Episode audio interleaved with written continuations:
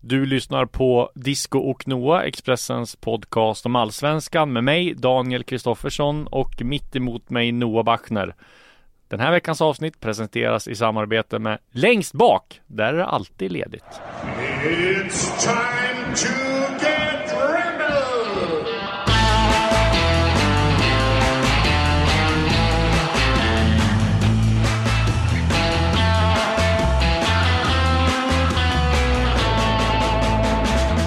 Ja, det är lite som att det alltid ledigt till första, som eh, alla anfallare brukar säga när de ska avsluta på första stolpen. Men vi återkommer till vad vi menade med det där egentligen. Ja. Det var en av många små saker man kunde ta, en av, en av många felaktigheter som man kunde ta, ta med sig från den här eh, mycket stökiga utflykten till Malta som vi har varit på precis. Och vi vet fortfarande inte vart vi var. Vi var inte i Valletta. Nej, Vi var- är, vi vet fortfarande inte vad Valletta är. Nej. Ska vi vara helt villiga att säga.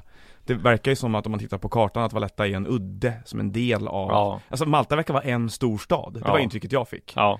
Eh, och däremellan någonstans ligger Valletta. Men eh, ja, det var väldigt Ja, svårt spännande. att få grepp om.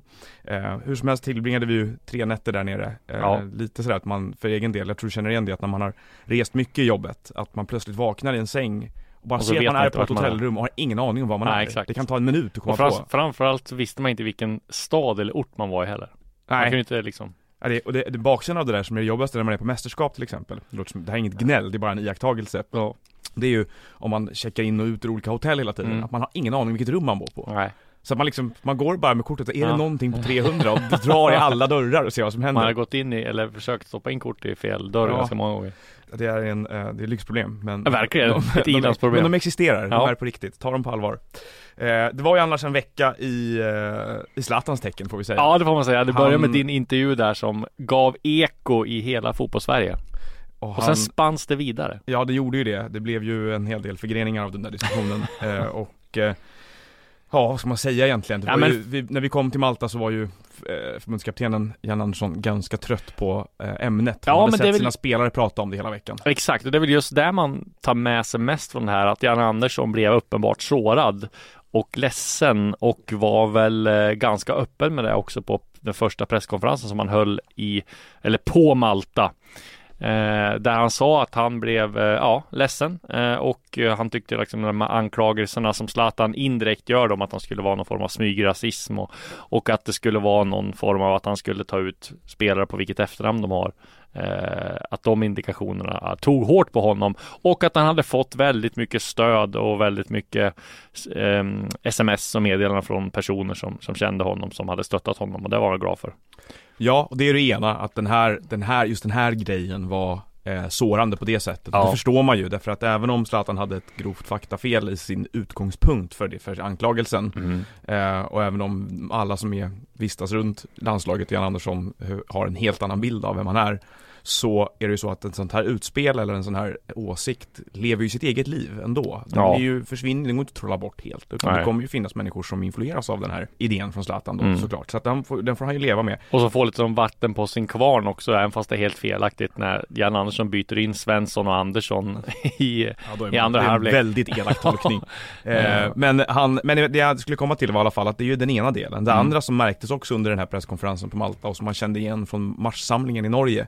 Det är ju att tålamodet tog slut med frågor som var helt orelaterade till fotboll. Ja, Eller det är ju inte de här frågorna. Det är ju egentligen inga av de här frågorna. Nej. Det är ju faktiskt så att när vi frågar om Qatar eller ersättningsnivåer för damer och herrar eller om det här fotboll. med Zlatan eller någonting annat så, så är det ju fotbollsfrågor och vi hade ju begått tjänstefel om vi inte ställde frågorna. nej exakt. Däremot så finns det ju alltid, eh, man kan ju välja hur många lager man skrapar Ja, och precis. eh, hur många gånger man frågar om samma sak och försöker hitta nya vinklar eller Mm. provocera fram ett utspel och så vidare. Och där är vi väl kanske lite olika lagda även inom vårt skrå. Verkligen. Och där var det ju, en, man kommer ju till en gräns märkte man med honom nu, där en maltesisk journalist fick ta smällen för Ja. att hans mobiltelefon ringde under Ja. presskonferensen. Och då bubblade ju ilskan fram lite Ja. grann. Men, men det sjuka var ju att när man allt, antingen när, journal, när eh, det, man har ju varit med om det här tidigare. Eh, Det finns ju en klassiker när jag la fram, när var, då, på den tiden fanns det inte iPhones. Utan då var det Ericsson-telefoner 2008 i Båstad Nej, på okej. U21-EM. Då la jag fram den och spelade in den och så ringde telefonen framme vid podiet. Jörgen Lennartsson eh, höll presskonferens och han svarade. Eh, och sa här det är din fru som ringer fast det inte var det. Och så. Men eh, eh, där har man ju varit med flera gånger men då stänger man ju av direkt. Alltså man, Ja. men den här maltesiska journalisten han fortsatte Han snacka prata. i telefon Ja. och Janne var- blev ju Ja, vansinnig. det där har ju hänt en gång förut med Janne, det är det argaste Ja. jag har sett honom. Man har ju några gånger när han har varit riktigt förbannad. Den ena Ja. var ju eh, den här matchsamlingen mot Norge då, när han var väldigt trött på frågor om Vigge och Forsberg Ja. och allt som hade hänt runt omkring. den andra gången var i Rumänien när, du var inte med på den landskampen? Jo det var du visst det. Vi Ja. var ju där i Craiova när det var träningslandskamp Mm. för, ja, det var ungefär ett år sedan. Ja. När planen släppte, matchen avbröts av bangers, Rumänien Ja. vann med 1-0, fjärdedomaren var rumän och firade ett av Rumäniens mål. Så var det. Och landslaget fick träna på en helt bedrövlig plan ute i ett industriområde Ja. utanför Craiova i Ja. snödrivor. Och då efter matchen så fick han ju, då gick ju topplocket Ja. på honom eh, också. Han har ju erkänt att det här är de argaste tillfällena. Men det sista är ju det, just med mobiltelefonerna. Därför att det finns ju typ ingenting som gör honom så arg. Nej. Och det är ju Italien-matchen, när de har vunnit playoffet mot Italien. Mm. Vi går ner i San Siros pressrum och det är smockat med journalister där inne. Mm. Janne tar podiet först då tillsammans med Niklas Bodell som var presschef på den tiden och även Håkan Sjöstrand står där inne. Mm. Och det är, jag tror att det är två eller tre italienska journalister vars mobiler ringer. Varav en av dem svarar och har den värsta utläggningen. Mm. Det låter som att han går igenom matchen högt Ja. med sin polare. Ja. Och då är det ju också, alltså det är en så rödsprängt Ja. ansikte som försöker få honom att hålla käften Ja. på engelska att eh, jag trodde faktiskt han skulle få en liten, ja men en hjärtinfarkt nästan av. Ja. Eh, arg var han i alla fall, eh, men det där ämnet eh, avhandlades eh, ånyo där nere på Malta då. Mm. Och sen har väl eh, egentligen i kölvattnet av det väldigt mycket handlat om att Zlatan inte hade rätt och eh, i just den där iakttagelsen. Och så finns de andra då, Poyas Bagge gjorde en intervju med vår kollega Hector Junelin som jag Ja. Rekommenderar att läsa där han han tar ju frågeställningen och gör den till någonting annat. Gör Alltså, till han, något bra på något vis. Ja, han diskuterar den ja. ganska intelligent och väl, väl artikulerat tycker jag.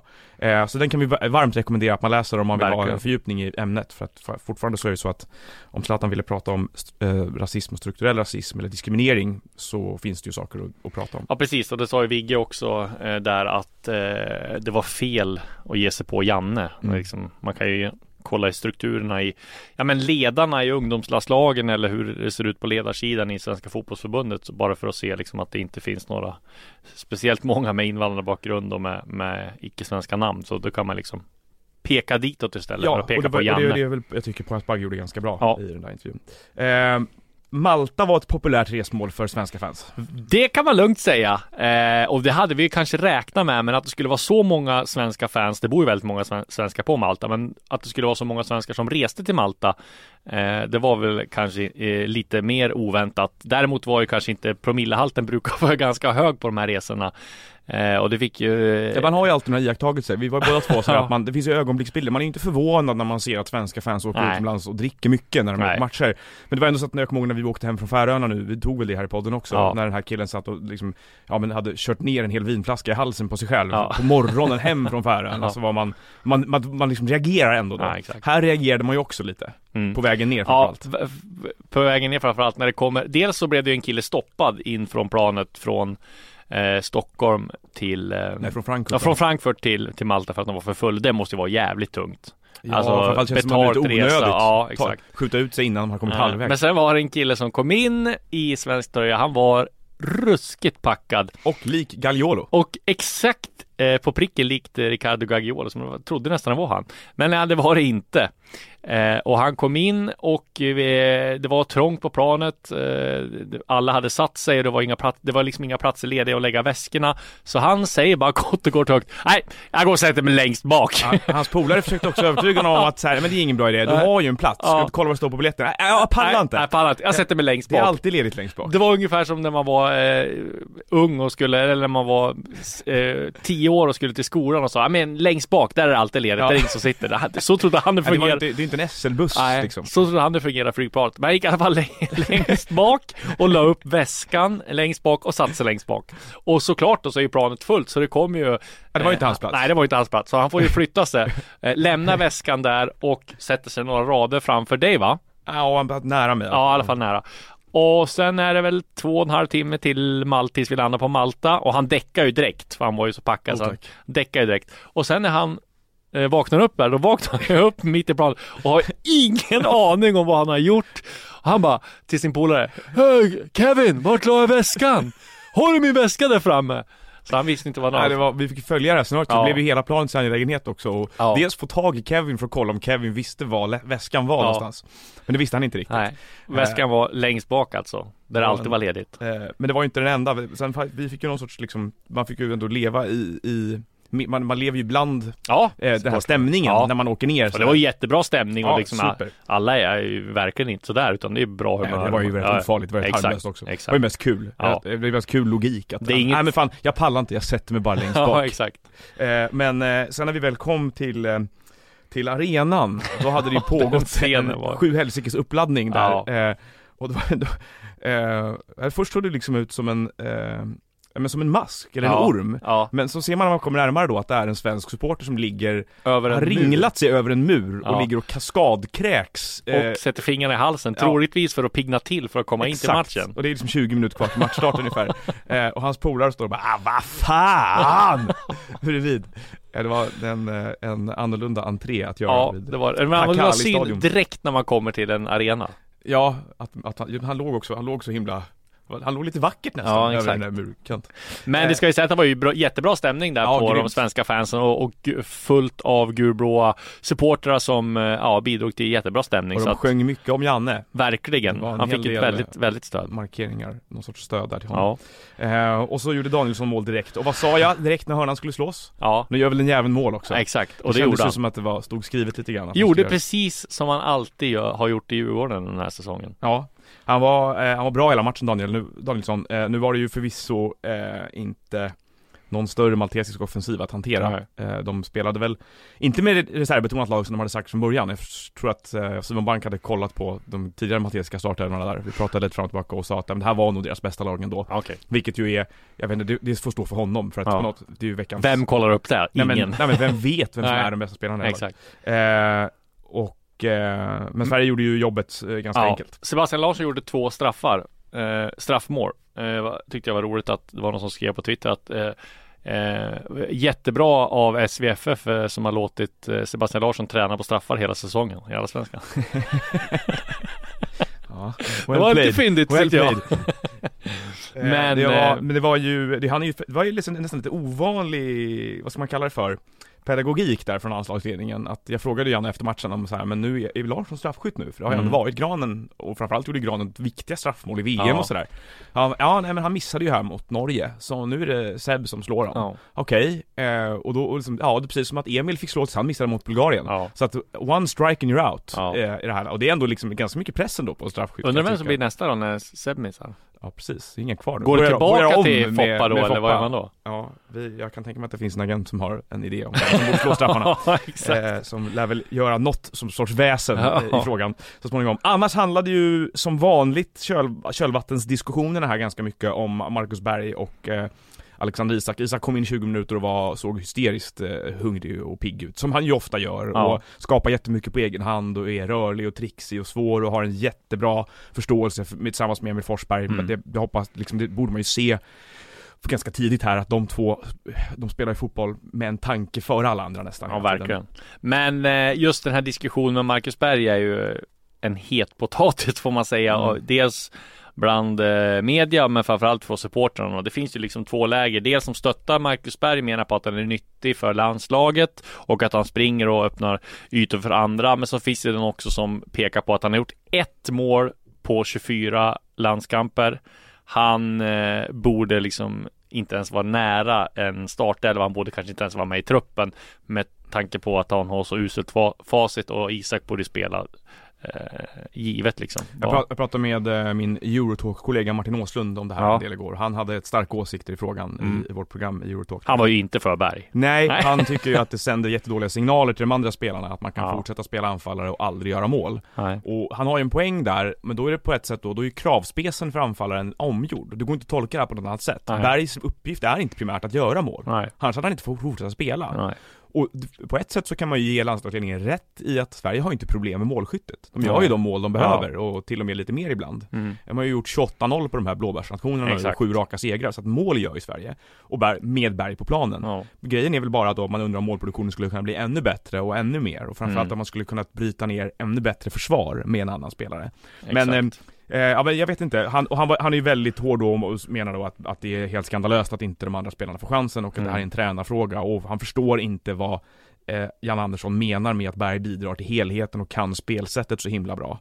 Nej, Förstår du det? Ja, det förstår jag. För jag, liksom, jag tycker han i de här matcherna tycker jag ändå han är en, liksom en annorlunda spelartyp än till exempel Alexander Isak. Han, han vinner ganska mycket boll där uppe. Han springer hårt, jobbar mycket och får liksom, jag tycker det ser ut som att han liksom drar på sig bevakning och liksom stångas och slits där uppe väldigt mycket eh, som skapar ytor till andra och eh, jag tror ju till exempel nu mot Spanien, jag är ingen liksom Marcus Berg-vurmare heller, jag ser hellre Alexander Isak från start, men just nu mot Spanien så kanske Isak blir lite för tunn där uppe, jag tror inte det, och att det behövs liksom en sån som river hål i, i försvar som Marcus Berg och sen kan Emil Forsberg eller eh, Robin Quaison göra mål istället liksom. Men Ja, jag, jag vet inte, Isak jag, känns förstår, tung. jag förstår vad Berg gör, jag tror ju bara att det är lite att underkänna Isak och Quaisons kvalitet, jag tror det går att instruera dem egentligen till att göra uppspelspunktjobbet också. ja. Sen är de kanske inte lika stryktåliga som Berg är. Nej, Berg är ju det är där väldigt, jag Berg är ju väldigt seg. Ja, alltså, han precis. är en seg gubbe att ha att göra med. Det är just är, det, och jobbig att möta. Ja, det, det ser ju verkligen ut så liksom. Så Isak att, är ju jobbig på ett sätt för att han när han får bollen rättvänd och, och kan göra liksom finta bort och han är rapp och vass och så här. Men hur ofta kommer eh, Isak kommer komma rättvänd mot spanska mittbackar? Det är ju det liksom. Nej, det är Alltså, väl det man kan fråga sig. ja. Det jag skulle ju säga att just i den här matchen mot Spanien så är frågan ganska enkelt att lösa för mig. Jag tror inte att det kommer bli så här. Nej. Men jag hade ju verkligen spelat med Quaison till höger. Ja. Eh, istället med utgångspunkt till höger och så spelat Isak och Berg tillsammans på topp. Mm. Därför att jag tror att dels så vid sidan av Forsberg så har Isak den här X-faktorn som Sverige kommer behöva för att luckra upp dem, överraska dem lite grann. De behöver ju oroa sig för någonting Spanien i den här matchen och det kanske de gör mer med Isak på planen. Samtidigt som Sverige får ett mycket bättre omställningshot med Quaison och Forsberg snarare Ja, än så bara kan det Quaison. vara. Men Så att eh, på det sättet skulle man kunna lösa det nu. Jag tror dock inte att det blir så. Jag tror att det Nej. blir Quaison Berg på topp därför att Sverige har funkat bra som lag Ja. med de två. Och jag tror Sebastian Larsson till höger, det tror jag dock är ett misstag. Det var Mm. inte alls bra med Sebastian Larsson till Nej. höger nere på Santiago Bernabéu. vi får se vad, vad det blir och eh, ja. Precis. Eh, Men det är ju, den, här, den här diskussionen om Berg kommer fortsätta om Ja. jag får gissa. Du träffade i alla fall Victor Nilsson Lindelöf också här under, Ja. under uppehållet, eller under landslagssamlingen. Exakt, och det var ju lite, ja det var ju kul att sitta ner med honom eh, länge. Eh, det var jag och Joel Marklund eh, som fixade i, ihop det här. Eh, Joel fotade och han hade ju lite problem med utrustningen där. Vi var lite oroliga, vi skulle ha myggor på oss och sådär. Så det tog ungefär, ja men kvart 20 minuter innan vi, innan vi kom igång och det var ganska Eh, avslappnad och skön stämning. Vi sitter ner och snackar lite hockey med Vigge och snackar lite grann om hur det är att vara farsa och sådär. Så att eh, det blev bra, bra snack med honom där innan Ni ska inte bara börja skriva såna här Ja, pappabloggar. Pappakrönikor som Ja. skrivs i varenda tidning just nu, enormt långa bara, jag som förälder-texterna Exakt. Tre år, eller på Twitter här, treåringen sa precis det här, Ja. och jag älskar honom Exakt. Och sen 276. Ofta om den här treåringen sa precis så här, då är vi bara påhittade. Alltså det är bara, de skulle man vilja syna varenda sådär liksom. Framförallt är det ju ett speciellt fenomen det här med de som har blivit föräldrar och tror att det är någonting unikt. Som Exakt. Att de har varit med om en upplevelse Ja. som alla andra, alla andra är väldigt nyfikna på. Mm. Det är ju inte så spännande. Nej, det- de, de flesta är föräldrar. Exakt, så är det. Eh, Men, men så snälla, gå inte över nu till att börja med en ny genre här, fotbollsföräldrajournalistiken. Exakt. Det ska vi göra. Nej men det var bra och det blev ju lite eko där. Vi har ju, jag har ju sett att eh, engelska, han snackar, han är ju svår, han är ju svår att ska vi säga, Lindelöf. Han, det var ju inte som din intervju med Zlatan att han pratar inte i, i liksom rubriker och han, han är inte lika stort namn som Zlatan heller och sådär. Men han, man, Alltså, utmaningen med Zlatan är att få honom att prata inte i rubriker. Exakt, exakt. Och här är det lite, lite, Tvärtom lite tvärtom. Men eh, det blev, gav i alla fall eko i eh, England och jag har sett att eh, alla de största tidningarna har tagit upp det här och jag tror att det var Guardian som hörde av sig och ville köpa det här ehm, i reportaget av oss och sådär. Ja. Så att eh, han snackar ju på lite grann om Barcelona, Ole Gunnar Solskär, att han kan tänka sig att vinna titlar med, med United redan den här säsongen. Ja. Eh, och snackar på bra snack om att han ja, eh, vill bli, eh, jag tror han skulle passa bra som lagkapten Ja, det var ju i den stora landslag. nyheten i Ja. landslagssammanhang då. Ja. Att han för första gången markerade att han faktiskt vill bli det. Det har Ja, han inte gjort tidigare. Nej, är och det klart- var ju när jag frågade, för att Jan Andersson nämnde ju det till mig i Qatar när vi, när vi gjorde en intervju, att han såg Vigge som ett lagkaptensämne då. Mm. Och det känns ju om man tittar på truppen nu så är väl, det blir väl Vigge som blir lagkapten, men jag ser ingen Det annan. beror väl på om Ekdal fortsätter. Ja. Ek, Ekdal och Pontus Jansson har varit de som har fått bära bindeln annars. Ja, Jansson är ju precis. så långt från startelvan just nu att det är ett Exakt. konstigt val. Och, och tanke på Janssons klubb var också Brentford. Det kan ju vara så här att skulle det gå dåligt för han i Brentford så kan ju han vara liksom in och ut i en Halka ut, trupp. ja. Ja. Ja. Men jag tror att eh, Ekdal känns fortfarande som ett ganska sannolikt alternativ på kort sikt. Eh, Ja. ändå om man tittar Ja, det är väl Ekdal och Vigge som gör upp om det. Precis. Men, men Lindelöf eh, långsiktigt naturligtvis. Känns också som han befinner sig i en bra länk från den äldre gruppen och Mm. de yngre spelarna som kommer in. Att han, han är ju där med, mittemellan på något sätt. Ja.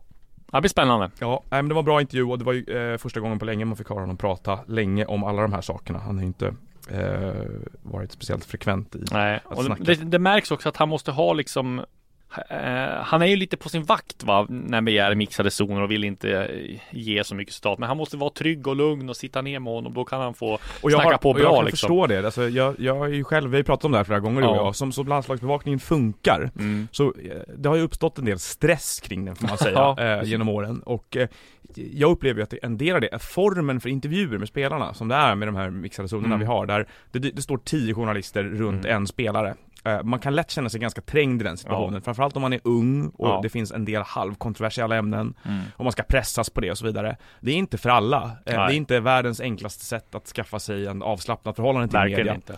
Eh, och, där, och framförallt med Lindelöf då som jag har varit utsatt får vi säga för en del eh, skum rapportering Ja. eh, Både från den här tidningen och Ja. andra eh, När det gäller då att vinkla hur hans insats i Manchester United så, så, att man är lite skadad av det då Ja. och, och kan slappna av först i en eh, one-on-one intervjuer Det är Mm. verkligen ingenting konstigt tycker jag Nej. utan Jag hade nog önskat mer möjligheter i den typen av intervjuer med landslagsspelare Det tror jag också. för att Det skulle gynna material. alla, Det tror jag. skulle gynna alla, precis. Mm. Snarare än de här mixade zonerna med 10 pers runt och säger vad säger de Qatar, ersättningsfrågan, eh, Zlatans uttalande om Janne, Damernas landslagsbonus. och vill du sparka tränare i ditt klubblag? Ja. Kör! Ja, typ så. Gotta kill one, marry one, fuck one, go. Ingen allsvensk omgång att gå igenom eh, den här helgen. Utan eh, vi eh, fick ju titta på lite andra europeiska kvalmatcher eh, istället. Eh, jag vet inte om du såg någonting av det. Jag tittade på Bulgarien-England igår. Det var ja, en men rätt det speciell var ju, historia. alltså det, jag vet inte var man ska börja där, men att liksom man visste ju att det finns rasism i ja, Bulgarien och Ungern och de här länderna, men det här var ju något eh, helt sjukt alltså. Att matchen, Det finns förvisso i alla länder i Europa, Ja, men just men- att det är så himla, att det har varit en så framträdande del av, eh, ja, av supporterkultur kanske man kan säga då, att det har varit så vanliga inslag, framförallt i landskamper, att de, de ser det som en möjlighet, fo, en, ett forum för att visa de här grejerna. Jag trodde ju att matchen skulle bli avbruten där an, andra gången, men det var ju bra att de spelade, spelade klart och det vackra i det här var ju eh, de engelska supportrarnas stöd till framförallt Raheem Sterling när de sjunger He's one of our own och just eh, liksom stödet de ball in visade. the net. Precis, ja precis. Stödet de visade för spelarna, det var ju extremt vackert. Sen var det ju eh, vidrigt, där, tycker jag, där förbundskaptenen i Bulgarien efteråt sitter och säger att han inte hörde någonting och att om det här var sant och så här, det blir ju Ja, det, helt det mest, det, det sinnessjukt. mest bisarra av allt som hände var ju Ja. under Southgate, Sa- Gareth Southgate måste jag säga, liksom framstår ju som allt mer som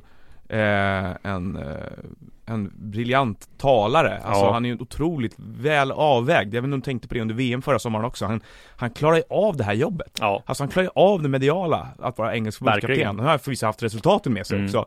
Men han kan ta i varenda fråga liksom, Ja. med lugn och, och, och ett bra språk. Det gynnar honom verkligen i de här tillfällena. Mm. Men han satt ju och pratade väldigt bra om vad som hade hänt och sa vi har problem på hemmaplan också med de här Mm. sakerna och, och samtidigt kritiserade det som hade hänt då.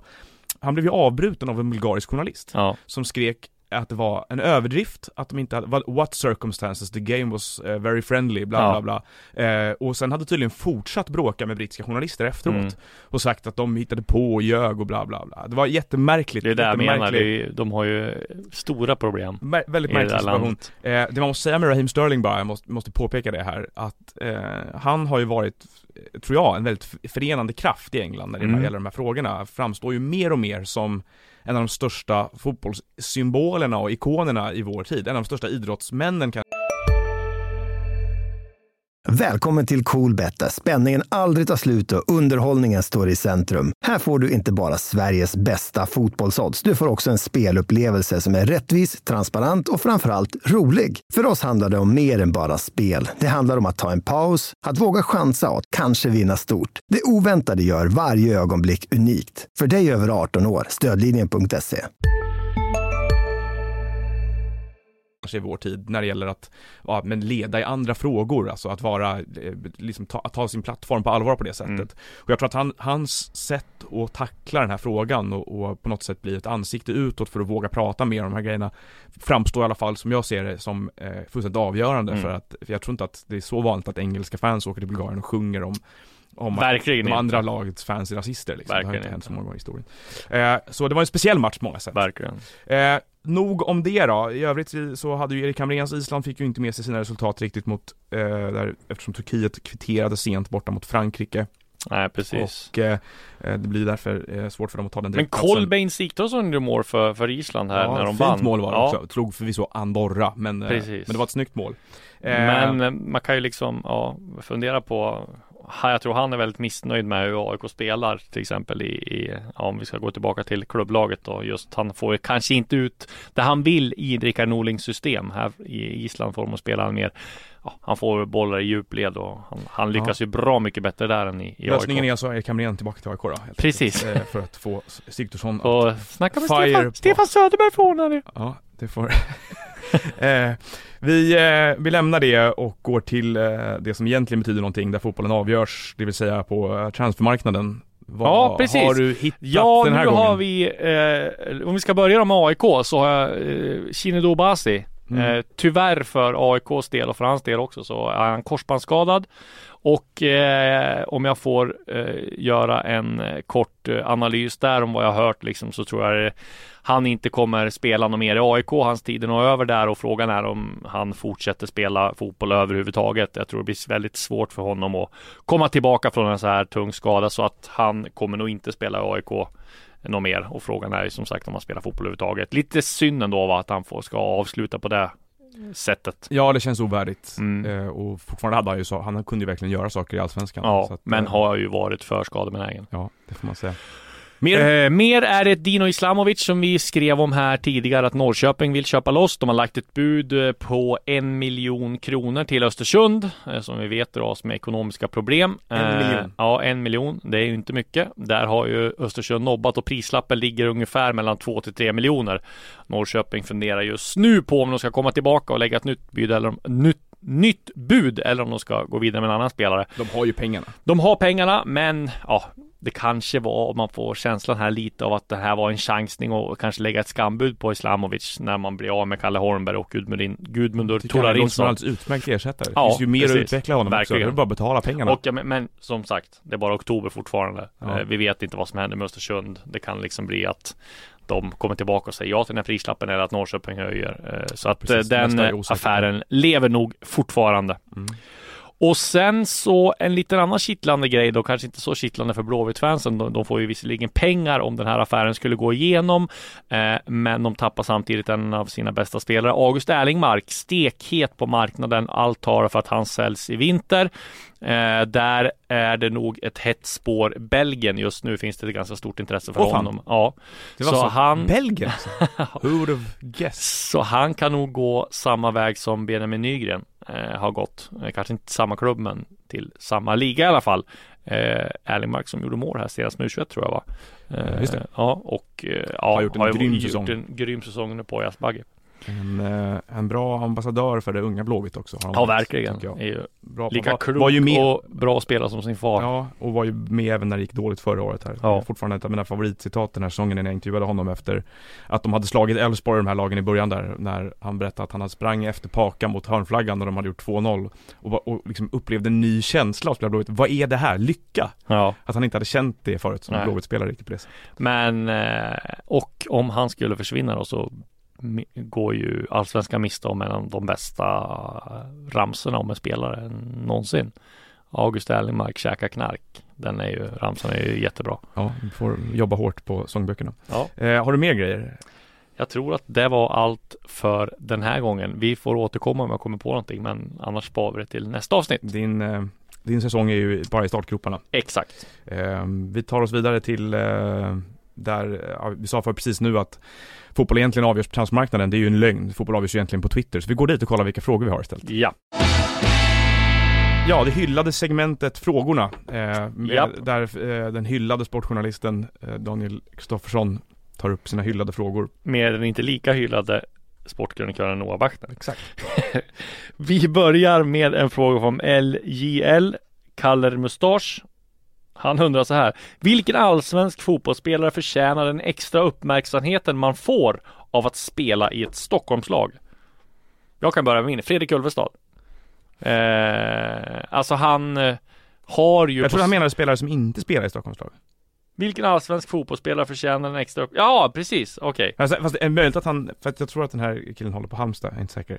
Okej. Eh, men jag tror att han menar, men, men jag, av de Okej. Stockholmslagen Nej men då fattar jag. För att Ulvestad är ju inte tillräckligt uppmärksammad, med tanke på hur bra han är. Nej men han har blivit det på slutet har han Okej. inte. Ja skitsamma, men då tar vi den riktiga frågan då. Ja, Eh, Någon utanför. som, som förtjänar. Som skulle förtjäna mer. Ja. Då är, det, då är det desto svårare. Men jag skulle vilja säga att... Jag, Isak Pettersson, IFK Ja, jag skulle Norrköping. säga Lauritsen IFK Norrköping. Ja. Jag tycker han har varit allsvenskans, en av allsvenskans absolut bästa försvarare i år. Mm. Eh, och kanske inte riktigt får... Det är ju typiskt att spelare i Norrköping inte får den. Nej. Att Norrköping, alla som är bra i Norrköping är så här, ja, det heter i en bisats att de är bra. Mm. Men Norrköping klickar ju inte så bra. Eh, Tyvärr, nej, tror jag. men vi mäter ju inte så mycket klick längre. Nej i och för sig, men nej. Ja, Så är det. Oskar Pettersson eh, med veckans guys fråga som han brukar leverera, Mm. sin vana trogen. Eh, något nytt om Alexander Axén, vilka andra tränare är guys intresserade av? Jag Nej. vet inte. Nej, jag, Axén har jag fortfarande att jag har hört att han Västerås ligger bäst till för honom. Mm. Eh, vi kör vidare, vi bara betar av dem. Eh, Andreas Åberg, hur gick det med säsongen på Football Manager? Ja, säsongerna. Jag är eh, på 2035-36 och slog ut Real Madrid i åttondelsfinal i Champions League igår efter en vansinnig vändning i förlängningen. Trots en utvisning Ja, med mitt Newcastle som jag tog det över. var därför du hoppade hit med så här hoppsasteg. Precis. Du var så Jag lycklig. gick upp sex i morse och kollade på repriser av matchen. Jag har ju inte dragit igång det där spelet sen jag eh, tog över Brighton och eh, höll mig kvar i Premier League och nu ligger jag väl 11 tror jag. Nej, det... Vad gjorde du på flyget ner till Malta egentligen? Jag sov. Ja, det gjorde inte jag. Nej. Eh, inför, eh, Henrik Sjöström, inför Bayern MFF saknas Tankovic och Andersen, men möjligen även Anders Christiansen, Oskar Lewicki och Sören Rex. Är det därmed fördel Bayern? Jag håller ju Bayern som favorit i den här matchen, även om alla hade varit med faktiskt. Mm, det är svårt det här tycker jag för att eh, tittar man lagmässigt om, ah, vi säger att alla skulle vara med för, vi, nu, vi, vi utgår från att Christiansen och Reix spelar då och Lewicki. Eh, och så utgår vi från att Jeppe Andersen ersätts av Junior och att Tankovic ersätts av Arne Johansson eller Ivan Khalili. Någon av dem. Ja. Då är det lite fördel Malmö skulle jag säga. Eh, men nej, om, om det är de här avstängningarna då. Vi ser att, eller vi skadorna att Rex och Kristiansen inte kan vara med. Då är det plötsligt fördel Bayern. Eh, ja, det blir, ja, fast, fast sen, sen liksom så här, om du ställer de här två lagen på planen, om du skulle ta bort AC till exempel från Mm. Malmö, så säger jag att Malmö försvagas mer av det än vad Bayern försvagas verkligen. av att Andersen inte är med. Ja, verkligen. För just att Andersen tycker jag, han betyder extremt mycket för Bayern Men Junior är ju en så pass bra ersättare. Ja, och i, i Malmö så känns det som att eh, Christiansen är deras liksom dealmaker varje gång det, det är tight nästan. Mm. Så att det, ja, jag, jag håller, men överlag så liksom att Bayern har klarat av skadekänningar tidigare under säsongen och varit väldigt starka på hemmaplanen då. Mm. Och jag tror att deras liksom eh, extremt intensiva spel passar inte MFF jättebra här. Men det är eh, Eh, och vi, så för övrigt, vi konstgräs kan ju för övrigt rätta oss själva också, eller du, det var ju du som sa det, jag sa det inte. Du sa ju förra veckan att eh, Bayern haft lätt för MFF sen de kom upp till Allsvenskan igen. Det stämde ju överhuvudtaget inte. Nej, men det var, jag menade ju att de hade, att det var, Vill hade, inte höra att det var ursäkter. jobbigt på konstgräs och de vill vann ju senast höra. hemma. Vill inte 3-2. höra. Nej, precis. Något- Märka ord. Eh, Magnus Eriksson, eh, har ni hört något mer om Magnus Eriksson? Att han fortsätter i San Jose Earthquakes med all, med största sannolikhet. Om det inte händer något med liksom att han har, får akut hemlängtan och sånt där. Nu missade de playoff här och eh, Mange var ju en De missade playoff i sista omgången. Eh, och Mange var ju en, en nyckelspelare under Mattias Almeida. Akut hemlängtan. Ja. Det är kul. Jag kommer ihåg man var liten och var på någon kompis landställe första gången. Ja, Blev nervös då fick man akut hemlängtan. Ringde, ringde Så fick föräldrarna de komma hämta. midnatt. Ja. Och då, fan, ja, jag förstår inte. Han fick- morsan stod, stod de ut med mig? Ja men jag tänkte, nu bodde jag ändå liksom i, i, i Stockholm, där är ju några avstånd så här. Om, mina föräldrar fick ju åka så åtta mil, de skulle hämta 16, 16 mil tur och retur om man, jag sov över hos någon Ja, i, och så ångrar man sig bilen Ja, på vägen hem. ja. Tyckte allting kändes bra Ja, igen. exakt. Kunde tänka sig så över. ja. Jävla bra, bra drag. Mm. Eh, lämna Karlström i andra delen av frågan. Ja, det tror jag. Jag tror att Darmstadt ligger väldigt bra till. Vad vet du om kvaliteten på de målvakter som provtränar för AIK? Hur går ryktena kring Linnér? Såg Spalanda med Mörk bland annat. Ja, Eh, det är ditt område. Jag tror ju att Linnér håller på och eh, byter agent som jag fattar det som. Han väljer väl, det är väl så. Det har varit mycket snack om agentbyten här. Eh, Mm. Det är väl pågår väl ett agentkrig här på någon, på någon form läste jag i Sportbladet. Så att alla agentkrig förresten, jag vet inte. eh, eh, reagerar lite på det. Alla agenter vill ha de bästa spelarna Eh, och försöker väl få de bästa spelarna. Inte det normalt bara? Eller? Ja, jag, jag vet inte, vad är deras jobb? Ja exakt, att få de bästa spelarna. Ja. Men i alla fall, eh, Linnér vill i alla fall byta agent. Han kanske, det kanske var det han snackade. Jag har inte hört att han ska vara på väg någonstans, men jag antar väl att AIK Om man Vill- börjar ta in målvakter på provspel känns det Precis, som att ja då någonting känns som att någonting är på gång. Ja. han, han har väl sagt själv att han vill vara, ta nästa steg. Och byter man agent så gör man det ju av en anledning. Inte för att förlänga ett kontrakt utan det gör man kanske för att få till en flytt såklart. Precis. Eh, kvaliteten på de här provträningarna, provtränarna har jag ingen aning om. Jag, Adam Bogdan var ju, slog, hade ju inte, var inte i närheten av att slå igenom i, i Liverpool, Nej. eller i Bolton när han var också. Och jag kollade lite det här snabbt bara. Eh, ska vi inte ta som någon större sanning, men jag tror inte det är något som är nära eh, att värvas till AIK där.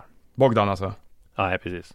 Nej, den känns, eh, den var lite överraskande. Han har väl stått i Skottland här sist tror jag, Ja. eh, Bogdan för Hibernian. Men eh, det känns ju inte som att han har gjort en del landskamper för Ungern också. Men, men han har ju, eh, efter att han kom till Liverpool från Bolton så, så har ju karriären stagnerat ganska hårt. Mm. Eh, jag hörde eh, Christ- Christian Nilsson säga, jag tyckte er nämna att Batanero var nära Helsingborgs IF, men att det avbröts sista stund. Någon ändring där? Nej, det tror jag inte. Jag tror att Batanero väljer nog eh, eh, vart han ska efter säsongen och tar nog in anbud nu från olika och där kanske inte Helsingborg är hans första val direkt. Eh, Alexander Hardenberger, är Jimmy Durmas aktuell för Malmö FF i vinter eller nästa sommar? Inte i vinter tror jag. Han gick precis till Galatasaray. Jag tror han har Ja, ganska, ganska bra bra lön, trivs. Ja, Dock förlorade han sin landslagsplats nu, Durmas. Och, eh, Precis. Det har ju inte diskuterats så mycket, men han Nej. har ju varit med i nästan varenda trupp. Ja, men tror du inte att han skiter lite i det där då? Alltså han var med, jag tror inte han är så här jätt, nu har han fått sin flytt i Galatasaray, han trivs bra där i Turkiet och tror att han satsar på det i första hand istället nu. Mm. Liksom landslaget, jag, jag tror inte han själv såg att han skulle få någon liksom eh, revival under Jan Andersson och bli en startspelare tror jag inte. Det var han ju sommaren 2017, men Ja. Claesson, Claesson har ju tagit hans plats. Ja. Och när Claesson har varit skadad så har Durmas ändå inte fått spela. Nej, precis. Så att det är ju, det är väl, det känns som han är rätt långt från startplatsen i landslaget just nu. Eh, klarar Kalmar kvalet? ja, då, jag tror att de klarar kvar för de har ganska lätt program hittills, men vi kan väl fortsätta säga det här att Magnus Persson kanske inte är den mest populära tränaren hos Kalmar-supportrarna just nu. Nej, eh, så det är väl en rimlig iakttagelse. Vad sitter Gust eh, livs kontot Livsångest frågar, vad sitter Gustav Svensson på för eh, kompromat om Janne Andersson? Eh, vi båda två Han är ju en favoritspelare för Janne, det är ju ingen tvekan om. Ja så är det, och han är en väldigt tydlig rollspelare Gustav Ja. Svensson och vi garvade ju båda två när Sverige har gjort 4-0 på Malta och av alla avbytare som värmer så värmer Svensson hårdast och Janne kallar till sig honom direkt Ja. och säger du, Du ska in. Nu ska stäng, moment. stäng den här matchen Ja, nu. stäng. Han var, gjorde ett otroligt charmigt inhopp måste man Ja, säga mot. Norge också när han kom in och bara slaktade Ödegård Och det var ju en, en sån han gjorde här också, en riktig Ja. Han ligger runt och kravlar och sparkar ner. Nej men han, jag, jag, jag är ju ett fan av Gustav Svenssons spelartyp jag för vissa typer av matcher. Däremot när man har 4-0 på Malta kanske också så här testa Tankovic istället Ja, snarare typ. än att man, ja. Ehm, eh, Så att man visar lite mer Fem, offensiva ja visst, fem, fem. Vilken är den största sillebobben någonsin för dig disco? Ja, men det har jag sagt tidigare tror jag. Dels den här kombon med att eh, Yverösl, eller Yverösl. Eh, att, fortfarande eh, att ehm, Allan Kuhn skulle få sparken efter Malmös guld och att Magnus Persson tar över. Det var liksom som ingen trodde på. Och sen är det väl att, ja men när, när ryktena gick om att Zlatan skulle till LA Galaxy, att han stannade i United United. istället. Är det dina största avslöjanden? Ja, jag tror det. Sen är väl Jonas Olsson till Djurgården var väl också, ja, det finns fler. Ja, ja det, det finns ju fler. Det. det har varit några bomber. andra. Eh, Hur ser det ut för Tom Pettersson efter säsongen? Jonas Westun. Ah, ja, han lämnar ju Östersund. Det är ju ett, en sak som säker. Men sen vart han går, det vet man inte. Men han har nog ganska många eh, bud att välja på. Han tackar nej till Odense. Eh, han vill nog ha ganska bra kontrakt tror jag nästa säsong. Eh, så att det kan nog bli Konstigt Danmark. annars om han ville ha ett ganska dåligt kontrakt. Jo, men jag menar att han vill ha, alltså ekonomin är det absolut bästa. Han prioriterar det. Ja, exakt. Så att, eh, ja, vi får se vad han får för utlandsbud. Annars kan det nog en, ja, IFK Göteborg ligger väl ganska bra till. Med, beroende på hur det ser ut Ja, det deras. spännande att se vad Blåvitt hittar på här i vinter. Ja. Framförallt eftersom de får in lite mer pengar från försäljningar då. Det finns ju en sannolikhet att även Al-Hassan Yusuf säljs Mm. eh, i vinter. Och då har de ju rätt mycket att röra sig med och behöver bygga om lite till. Så att eh, det kan hända grejer där. Eh, vi tar eh, oss till eh, den avslutande delen av den här eh, otroligt eh, långdragna och eh, självhyllande podden. Ja. Rätt in i del 4 då, där eh, AFC möter Sundsvall på, På fredag. fredag. På lördag är det Östersund Sirius och på söndag är det Bayern MFF och Falkenberg Årets AIK. match. På måndag åker du till Göteborg, där IFK Bo- Göteborg möter Djurgården. Mm. Eh, och sen har du lagt eh, sista rubriken iskalla matcher. Norrköping, Kalmar, Helsingborg, Häcken, Örebro, Elfsborg. Och jag är beredd att hålla med. Eh, vi börjar med eh, lördagen då.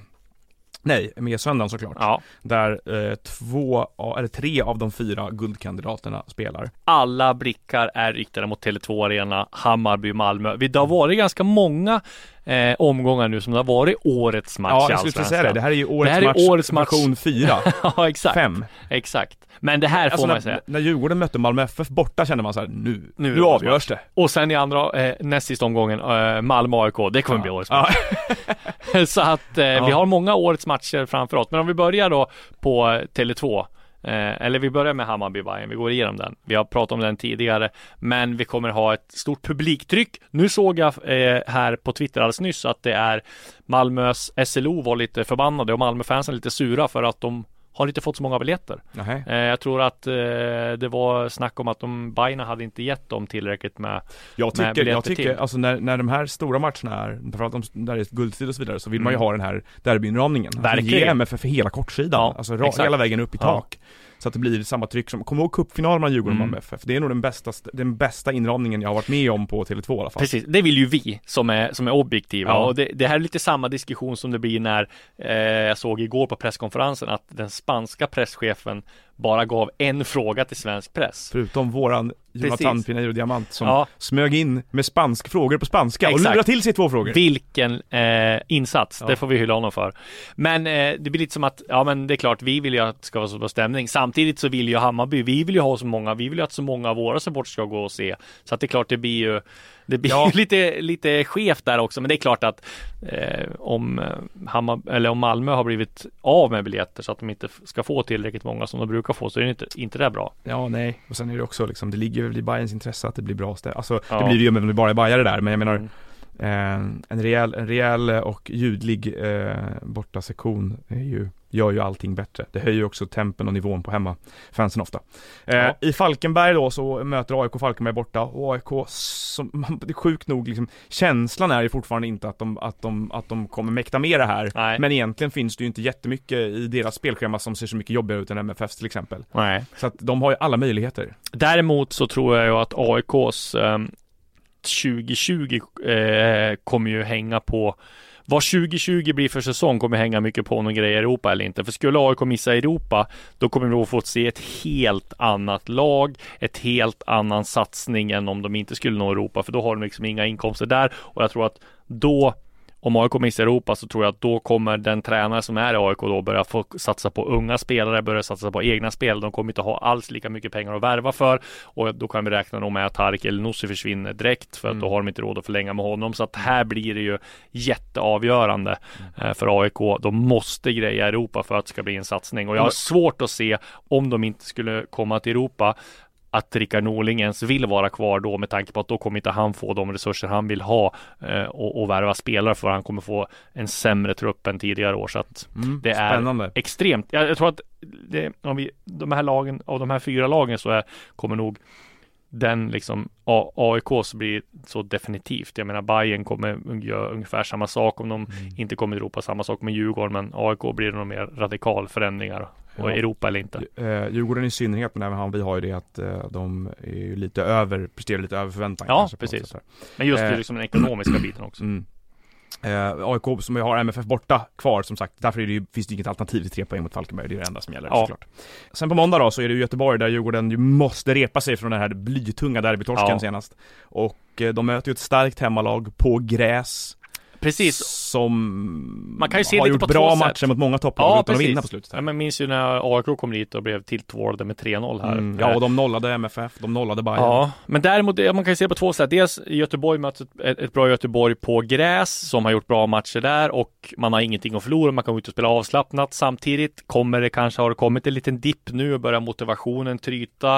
Eh, det är många trötta ben i slutet av säsongen. Man har ingenting att spela för egentligen. Så att det är lite både och det där. Samtidigt som Djurgården är under, ja men man har ju lett allsvenskan hela tiden. Nu gör man inte längre och då åker man till Göteborg. Så att det blir en, vrids ju om lite den där pressen får man säga ändå. Ja, de jagar ju nu. Ja, och samtidigt så är det precis. den här omgången så det, känns som en knäckomgång. Därför att ska de ta tillbaka det här i egna händer Då måste de så vinna. måste de vrida tillbaka det. För, att, för Ja. det här är ju stora chans att MFF tappar poäng. Ja, MFF, MFF har ju AIK hemma, men det här är en svårare match för ja MFF. verkligen. Så att som jag ser det så är liksom, ja, det, det, det känns som lite nu eller aldrig för Djurgården också att, att ta tillbaka serieledningen och sen gå på, gå på ren, liksom, hö, vad ska man kalla det för? Eh, höga, liksom Energi. Ja men jag menar adrenalin. det. Nej men de är så, adrenalin, de är så nära att Ja. de bara kan plöja de två sista matcherna. Mm. Men det är, ja den är, den är, den är lurig. Och resultatet Verkligen. på söndagen kommer ju vara väldigt intressant för dem när de går Verkligen. in i den här matchen på måndag.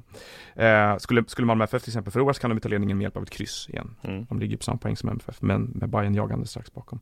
Sen har vi ju eh, då de här som, så kallade iskalla matcherna mellan Norrköping, Kalmar, eh, Helsingborg, Häcken, Örebro, Elfsborg. Kalmar är inte iskalla den bemärkelsen kanske, eftersom de fortfarande kan halka ur längst ner där nere. Ja. Eh, och samma sak med Östersund, Sirius så finns det ju viss nerv i också.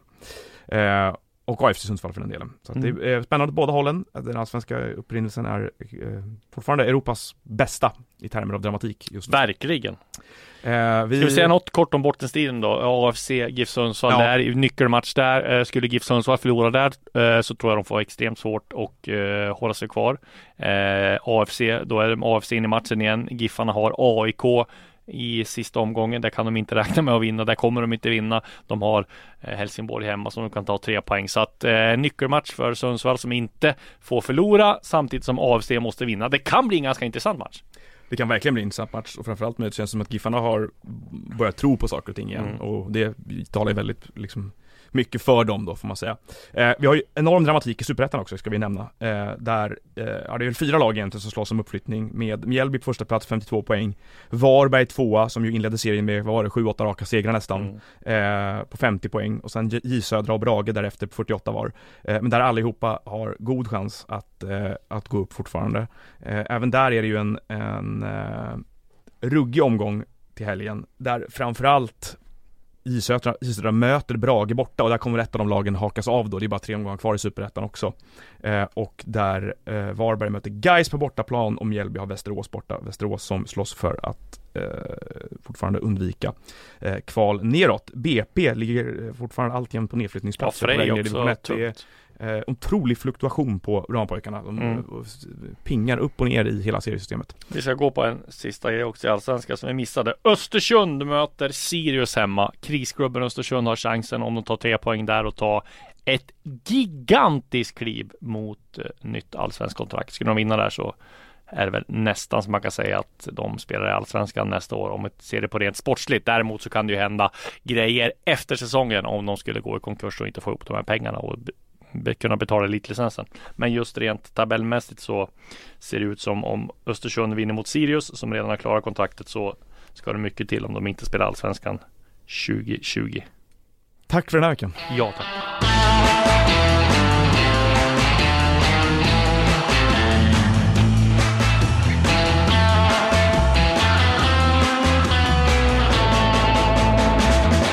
Du har lyssnat på en podcast från Expressen.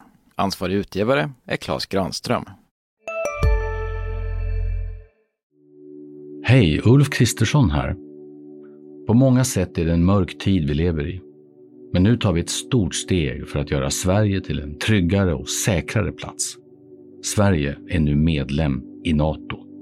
En för alla, alla för en. Vi är specialister på det vi gör, precis som du. Därför försäkrar vi på Swedea bara småföretag, som ditt. För oss är små företag alltid större än stora och vår företagsförsäkring anpassar sig helt efter firmans förutsättningar. Gå in på swedea.se företag och jämför själv.